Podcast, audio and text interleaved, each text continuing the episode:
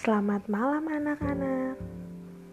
Selamat bergabung dalam siaran Dongeng Sebelum Tidur.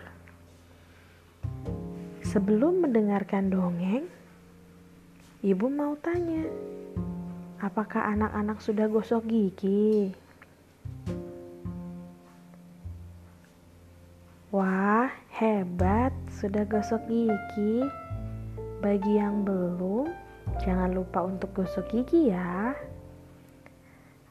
Nah, sekarang waktunya kita untuk dongeng sebelum tidur.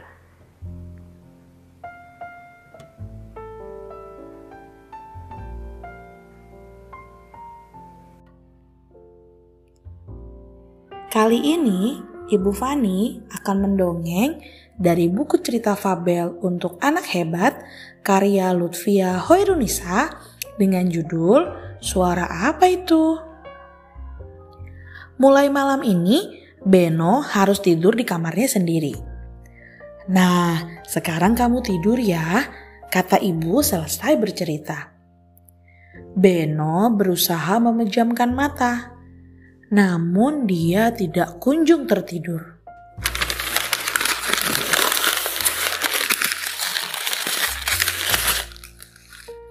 Hah? Suara apa itu? Beno memberanikan diri turun dari tempat tidur.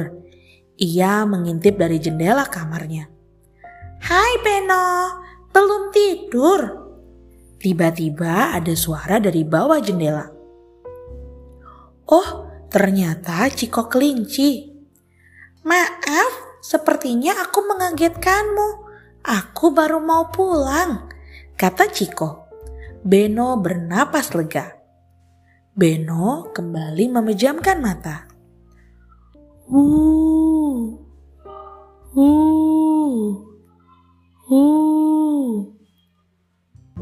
Wah, ada suara aneh lagi dari luar. Beno membuka jendelanya lagi. Tidak ada siapa-siapa. Beno mulai merasa takut. Hai beruang kecil, kenapa belum tidur? Tiba-tiba ada yang menyapanya. Beno tetap tidak melihat siapa-siapa. Di atas sini, kata suara itu lagi. Beno mendongak ke atas pohon. Ada tiga ekor burung hantu di sana. Oh, ternyata tadi itu suara burung hantu. Selama ini Beno tidak pernah mendengarnya karena sudah tertidur lelap. Aku baru mau tidur, kata Beno lega. Beno kini merasa lebih tenang. Tidak ada yang menakutkan, apalagi bulan dan bintang bersinar terang di langit. Beno benar-benar bisa memejamkan matanya. Tak lama ia tertidur dan bermimpi indah. Anak-anak, dari dongeng yang kita dengar tadi, kita diingatkan untuk menjadi anak yang berani, karena Tuhan selalu bersama dengan kita. Sekian dongeng sebelum tidur untuk malam ini. Sampai bertemu di dongeng berikutnya.